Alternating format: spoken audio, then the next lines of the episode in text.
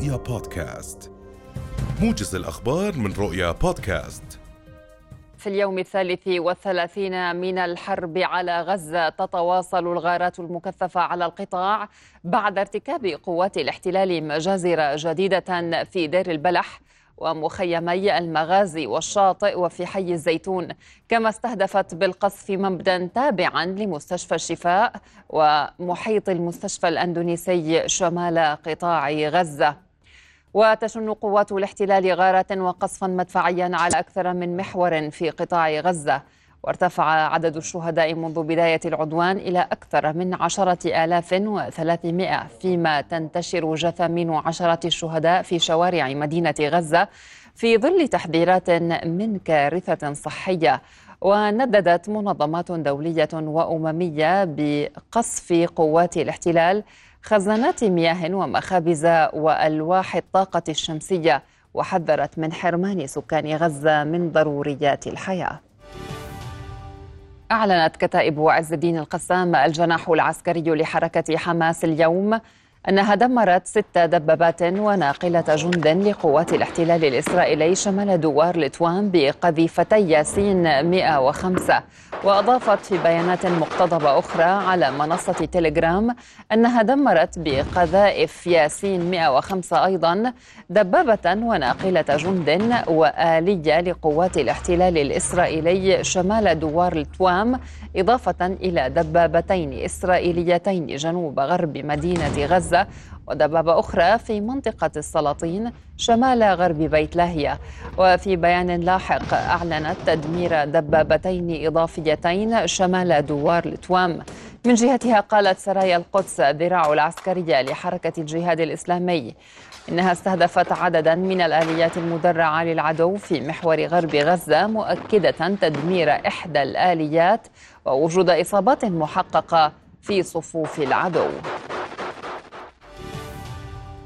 أعلن جيش الاحتلال الإسرائيلي مقتل جندي وإصابة ثلاثة آخرين خلال المعارك شمال قطاع غزة. وقال جيش الاحتلال في بيان صباح اليوم تحت بند سمح بالنشر إن مقاتلا مدرعا في الكتيبة الثانية والخمسين اللواء 401 قتل في معركة شمال قطاع غزة. وبذلك يرتفع عدد قتلى جيش الاحتلال الإسرائيلي.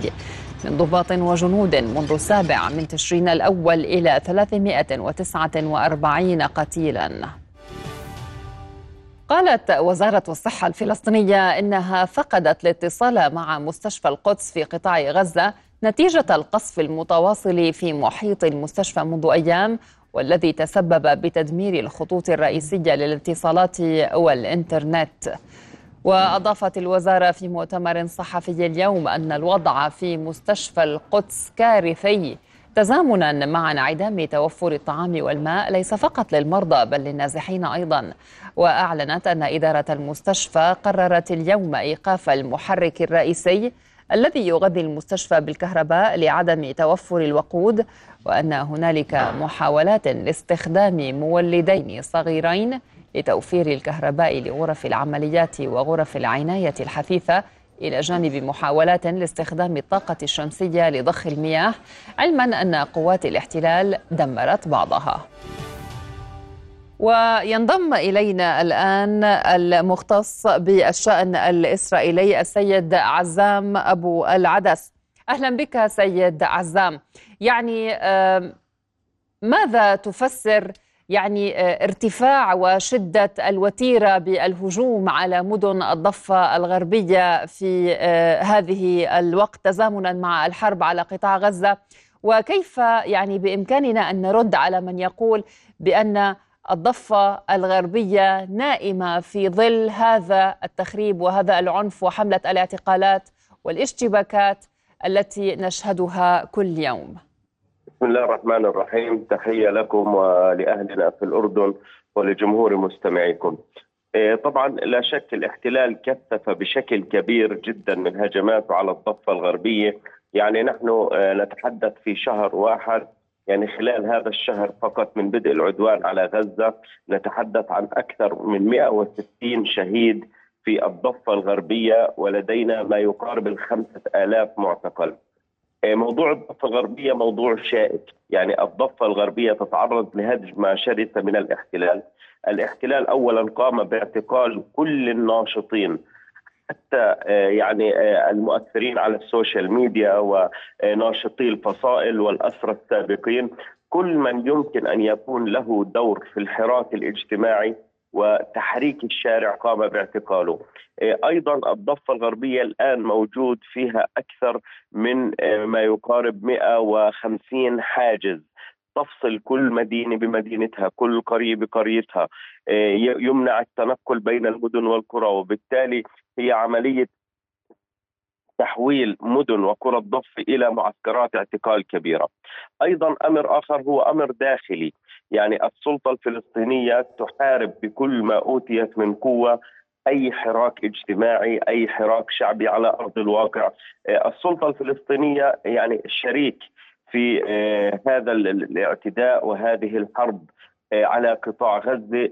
تريد يعني أن تستلم قطاع غزة على ظهر دبابة وبالتالي منعت كل كوادرها وكل عناصرها وحركة فتح التي ربما هي بسبب يعني قربها من السلطة الجهة المسلحة الوحيدة في الضفة منعت منعا باتا حتى من مجرد إبداء التعاطف مع غزة. يعني نرى بلينكن يشكر أبو مازن على موضوع الهدوء في الضفة الغربية. نرى يؤب جالنت وزير الدفاع في جيش الاحتلال عن أي هدوء نتحدث؟ نحن نتحدث عن قمع. نعم وقمع يعني مسيرات خرجت تطالب ب إنهاء العدوان على غزة، يعني قامت السلطة بقمعها نعم. وربما على ما أذكر تلفزيون رؤيا يعني تعرض نعم. لشيء من هذا نعم. القبيل في نعم. نابلس قبل فترة وأنا كنت شاهد على ذلك يعني أنا وأنا كنت, كنت شاهدة وكنت على الهواء نعم ورأيت لا أنا رأيت ذلك يعني بشكل شخصي نعم. فبالتالي يعني مأساة الضفه الغربيه هي مأساة مركبة الضفة الغربية طالما كانت هي العمود الفقري للنضال الفلسطيني وفي انتفاضة الأقصى وفي الانتفاضة الأولى يعني سببت خسائر هائلة للاحتلال. لكن الآن لا يوجد من يحرك الضفة الغربية. وهناك من جهة الاحتلال الذي يعتقل مئات وآلاف الكوادر يوميا، يعني وصل الأمر بالإحتلال عندما يأتي ليعتقل ناشط ولا يجد في البيت أصبح الآن يأخذ زوجته يأخذ أولاده يأخذ إخوته يعني في في حالة من الحالات في مخيم جنين جاء الاحتلال لاعتقال الناشط والأسير المحرر عبد السلام أبو الهيجة وعندما لم يجده في البيت قام بإحراق بيته نعم. فبالتالي يعني ما تتعرض له الضفة الغربية الآن من حملة اعتقالات وحشية من تضييق من إغلاق كل ذلك ساهم في تثبيط دورها بالإضافة إلى أن السلطة الفلسطينية أو سلطة الأمر الواقع الموجودة في الضفة الغربية تتعامل مع حرب غزة أنه مشكلة فصائلية وليس مشكلة فلسطينية وهذه كارثة. نعم. طيب سيد عزام حضرتك مختص بالشأن الإسرائيلي. إذا أردنا أن نسألك كيف ينظر مجتمع كيان الاحتلال الإسرائيلي إلى ما تصرح به قوات الجيش من ربما تحقيق تقدم وبالمقابل مما تقوم بإعلانه كتائب عز الدين القسام من تدمير آليات من قتل جنود. من يعني قمع أيضا لهذه الآليات البرية، كيف ينظرون إلى هذه النجاحات التي تحققها كتائب القسام؟ يعني هناك اولا الإعلام العبري عندما أشاهد الإعلام العبري يعني لا أشاهد في الأستوديو مجموعة من المذيعين مثل أي قناة على وجه الأرض إنما أشاهد مجموعة من الضباط يلقون ببيانات عسكرية. وبالتالي الإعلام العبري كله في حالة استنفار في حالة تجنيد كامل لخدمة الرواية الحكومية في حالة يعني ل دعم الرواية الحكومية وشن حرب نفسية على الفلسطينيين ودعم نفسي لجمهور الاحتلال. فبالتالي هذه الصور التي تبثها المقاومة تغيب عن الإعلام الرسمي تماما لأن هناك قرار بعدم تداول أي مادة مهما كانت سوى صور القصف على غزة، لكن هذه الصور تجد طريقها إلى الإعلام غير الرسمي، يعني قنوات التليجرام، مجموعات الفيسبوك وما إلى ذلك ومجموعات الواتساب. ومجموعات الواتساب. هناك يعني حالة من التخبط في المجتمع العبري. يعني الكثير من الأسئلة آه، يسألها الناس في التعليقات يسألها المستوطنون في التعليقات ولا مجيب لها يعني يسألون يقولون إذا كنا آه، قد حققنا وتقدمنا فلماذا نقصف حتى الآن؟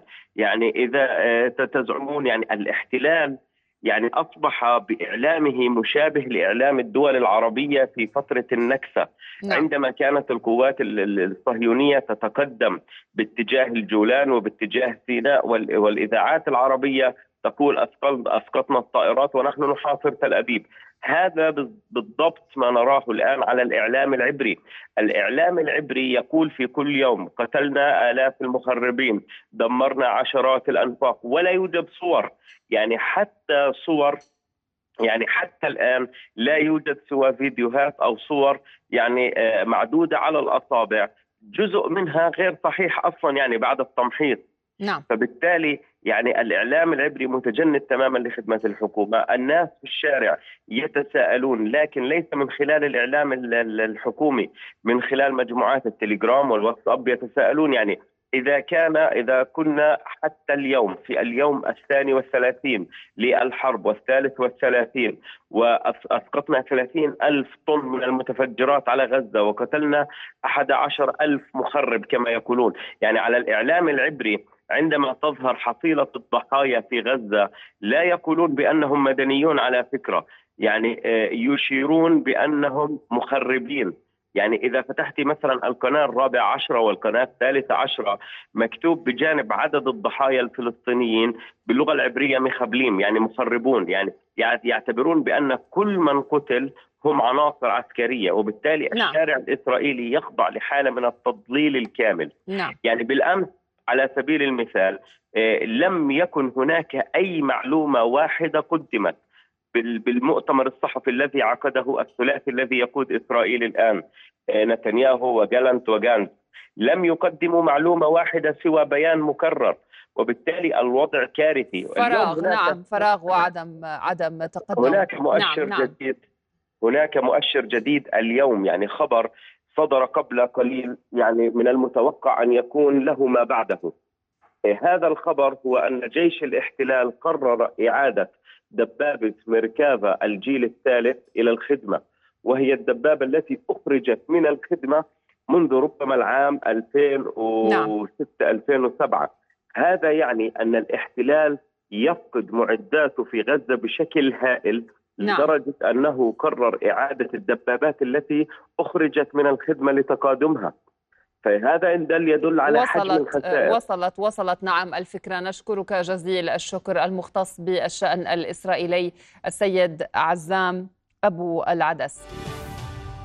أفادت هيئة البث العبرية بأن أهالي المحتجزين لدى المقاومة الفلسطينية بدأوا بإصدار جوازات سفر أجنبية لهم لضمان تدخل دول أخرى لإطلاق سراحهم. ويأتي توجه أهالي المحتجزين بعد فشل رئيس حكومة الاحتلال بنيامين نتنياهو في حل قضية المحتجزين في القطاع. هذا وتواصل إدارة الرئيس الأمريكي جو بايدن مناقشاتها من أجل التوصل إلى هدنة مؤقتة بغية إدخال مساعدات إنسانية وبحث إمكانية إطلاق سراح المحتجزين. هذا وتمكنت كتائب القسام من أسر أكثر من 240 إسرائيليا ضمن عملية طوفان الأقصى. تشن قوات جيش الاحتلال الإسرائيلي بمساعدة الشرطة حملات مداهمة مستمرة على مدن الضفة الغربية المحتلة مترافقة مع هجمات المستوطنين المسلحين على الفلسطينيين مما ينذر بانفجار الأوضاع. للمزيد من التحليل حول الأوضاع في الضفة الغربية وإلى أين من المتوقع أن تتجه الأحداث هناك. نرحب بالسيد سليمان بشارات مدير مركز يبوس للدراسات الاستراتيجية. أهلا بك سيد بشارات. آه، يعني هذا الموضوع يتصدر الآن الحديث. آه، يعني وبالتأكيد نحن نريد العديد من وجهات النظر حوله. ما هي الغاية من ارتفاع وتيرة استهداف الاحتلال الإسرائيلي والتخريب لمدن وبلدات الضفة الغربية؟ وكيف يتم الرد على الأقاويل التي آه، تدعي بأن الضفة الغربية نائمة عما يجري من خلال هذه الأحداث الجارية على الأرض الآن؟ نعم تحية لك والمتابعين الكرام. أنا باعتقادي يعني أن هذه السياسة الإسرائيلية هي ليست بجديدة في الضفة الغربية وهي مستمرة منذ سنوات طويلة وربما ارتفعت وتيرتها في السنوات القليلة الماضية وزادت أكثر حدة منذ بدء هذه المعركة أو معركة طوفان الأقصى أو الحرب على قطاع غزة.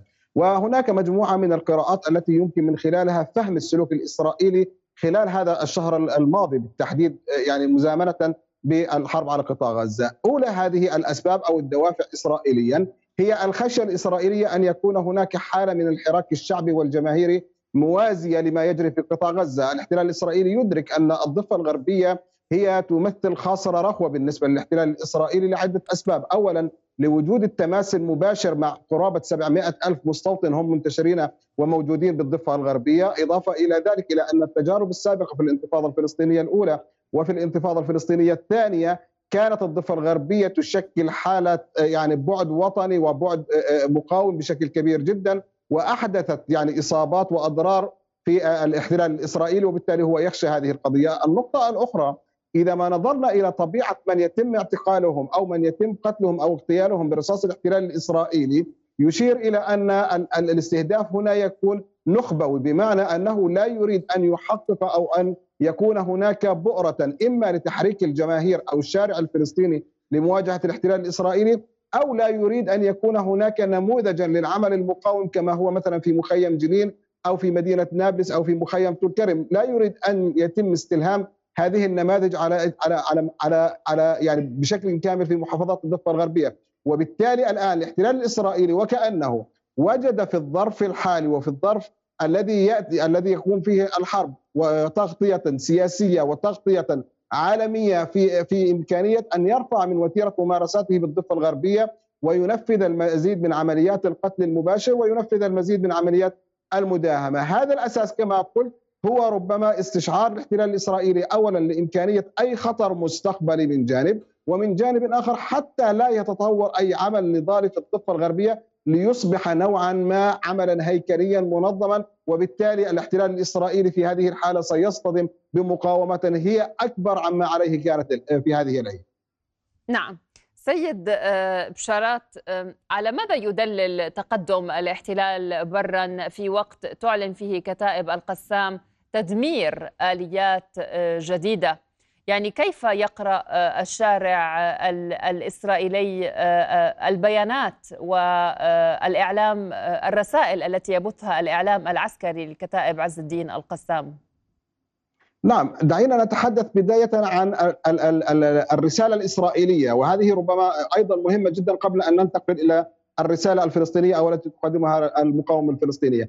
الرسالة الإسرائيلية حتى هذه اللحظة يعني تتسم بمجموعة من السمات، اولا الارباك، التضارب في المعلومات، والنقطة الأخرى وهي خلوها من الإثباتات الواقعية أو التي تستند إلى شواهد على الأرض، وبالتالي هذا الأمر ربما يدفعنا إلى ملاحظة كيف أن الجمهور الإسرائيلي نفسه بات يشكك بالمعلومة التي يقدمها الإعلام العبري حتى أن وخصوصا في ملف في في ملف إما عدد الإصابات والقتلى في صفوف الاحتلال الإسرائيلي أو فيما يتعلق بملف الأسرى لدى المقاومة الفلسطينية لدرجة أن عائلة الأسرى الإسرائيليين في قطاع غزة يطالبون دائما بالاستماع إلى بيانات المقاومة الفلسطينية حتى يعرفوا مصير أبنائهم أو أو ما ما, ما الذي سيترتب على هذه المرحلة. في المقابل الإعلام الفلسطيني أو بالتحديد إعلام المقاومة ورسالة المقاومة واضح جدا أنها يعني منذ بداية اليوم الأول لهذه الحرب اتسمت أيضا بمجموعة من السمات، اولا هناك حالة من التوثيق المباشر لعمليات المقاومة في قطاع غزة ومن عمليات الاستهداف المباشر. وشاهدنا مجموعة الفيديوهات التي يعني تنشر من خلال المقاومة وتثبت كيف أن هناك تصد مباشر لقوات الاحتلال ولدبابات الاحتلال وآلياته وتوقع بينهم الخسائر المباشرة. هذا من جانب.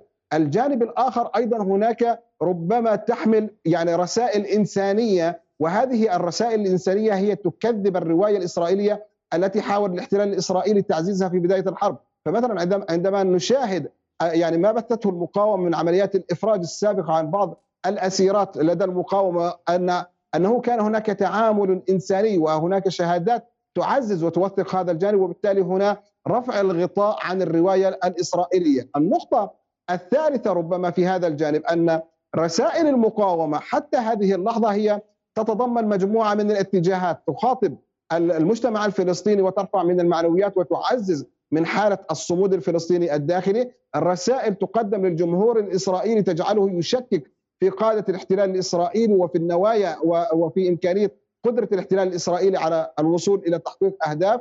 وبالتالي إضافة إلى الشق الثالث وهو الرسائل العالمية والدولية والتي تخاطب المجتمع الدولي والرأي العام الدولي. وهذه أنا باعتقادي يعني كانت من السمات البارزة في هذه الحرب أن هناك حالة من التطور لدى المقاومة الفلسطينية في الخطاب الإعلامي على الرغم ربما من ضعف الإمكانيات نعم. وأنها لا, لا تصل إلى إمكانيات الدولة إلا أنها ربما استفادت من تجارب كثيرة سابقة.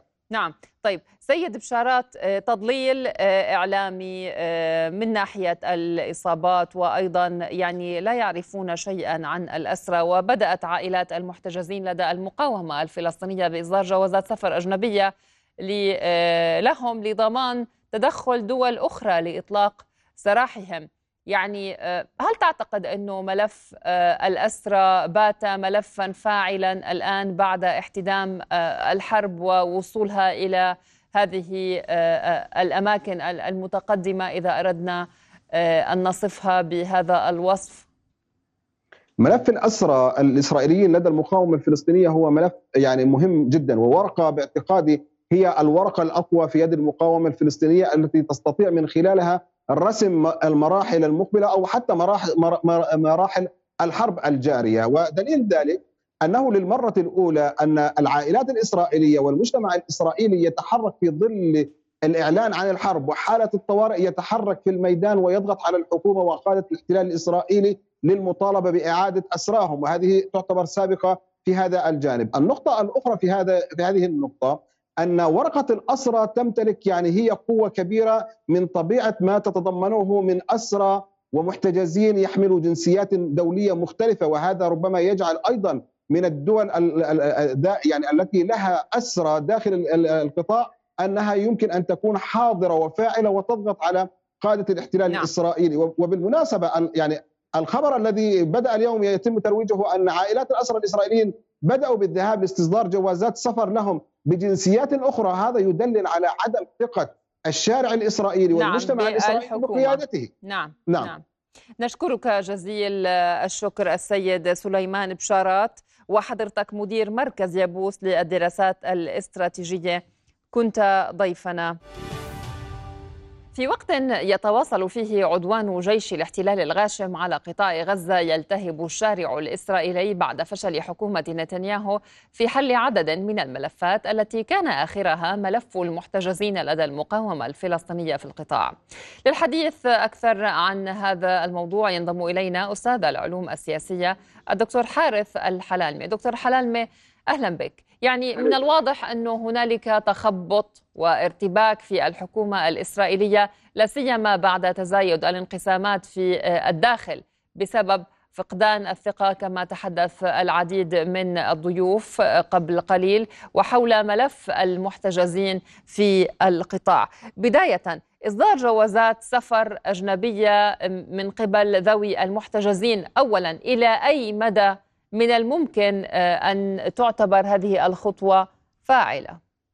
نعم لا شك أن هناك تحول آه، لدى آه، أهالي المحتجزين لدى حركة حماس وبدأت الأمور تتدحرج شيئا فشيئا باتجاه فقدان الثقة وتراجع شعبية هذه الحكومة وفقدان ثقة الشارع الإسرائيلي الداخلي بمقدرته على تحقيق الأهداف. في البداية أعلنت عن حدث من هذه الحرب القضاء على حماس وإعادة الاسرى المقتول بعد 33 يوم أختي الكريمه بدأ يشعر المواطن الإسرائيلي أن هذه الحرب آه، حالة من السعار العسكري والسياسي تقوم فيه حكومة الاحتلال وحكومة اليمين باتجاه المواطنين العزة خصوصا أن لغة الأرقام تتحدث عن 70% من ضحايا هذا العدوان هم من الأسرى ومن الاطفال ومن الشيوخ، لذلك آه، هناك تحول كبير لدى الشارع الإسرائيلي آه، وفقدان ثقة آه، واضح من خلال طبعا عدة إجراءات قام بها أهالي الاسرى أولها كان في الاحتجاج أمام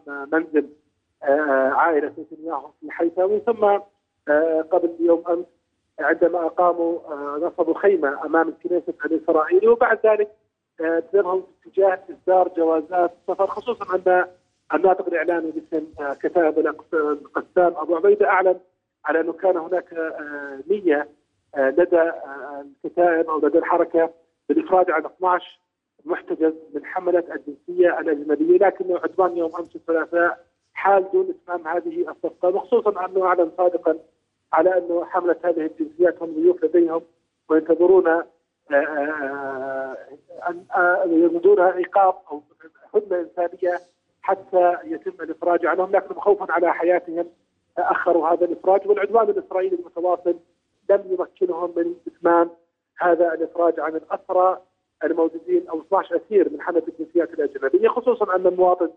الإسرائيلي يمكن لديه أو من السهل لديه أن يحصل على الجنسيه الاخرى خصوصا أنهم هم يعني معظمهم مهاجرين. لذلك هم الآن يرون أن نتنياهو هو مذنب ومسؤول عن حياة أبنائهم.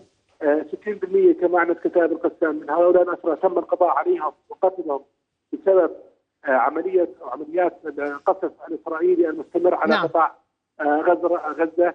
بدأ يشعر المواطن الإسرائيلي أن هذه الحكومة حكومة لا ترغب إلى المزيد من القتل والدم على حساب حياة أبنائهم خصوصا طبعا ما حرك الماء الراكد طيب هذه الحكومة المتمثلة بنتنياهو هل نستطيع أن نقول أن نتنياهو يسعى إلى إطالة أمد هذه الحرب لحماية نفسه من الإقصاء سيد حلالمي دكتور حلالمي عفوا نعم هذا واضح فكري لأنه هذه الإطالة آه، لأنه يعلم في حالة إعلان انتهاء الحرب خصوصا أنه على أرض الواقع الآن لم يسجل لم يسجل سوى انتصارات آه، زائفة غير حقيقية سواء دبلوماسيا أو عسكريا. آه، هو يعلم أنه في حالة انتهاء هذه الحرب واعلان انتهائها ستشكل لجنة تحقيق في إسرائيل وهذه اللجنه على الأغلب ستقوم بادانته خصوصا اليوم أمس هو اعلن أنه يعني يتحمل المسؤولية عن هذا العمل، لذلك هو يريد إطالة أمد هذه الحرب حتى يحقق أمد سياسي قدر المستطاع لحكومته والخروج بانتصارات زائده نعم. محاوله إعادة هيبة آه، حكومة إسرائيل وإعادة هيبة إسرائيل كقوة عظمى في الشرق الأوسط وانها الجيش الذي آه، لا يقهر، لكنه أنا أرى الشارع الإسرائيلي الداخلي بدأ بالغليان بدأ بتراجع الثقة عندما يذهب عندما يذهب المواطن الإسرائيلي ويشعر ان هذه الجنسية غير قادر على حمايه على حماية وتوفير الأمن له ويذهب باتجاه آخر نعم. أنا أعتبرها ضربة موجعة في خاصرة الحكومة اليمنية المتطرفة التي ليس لديها في جعبتها سوى القتل والتدمير والهلاك. نعم شكرا جزيلا لك أستاذ العلوم السياسية الدكتور حارث الحلالمي كنت ضيفنا عبر الهاتف. بهذا نكون قد وصلنا لنهاية موجزنا إلى اللقاء.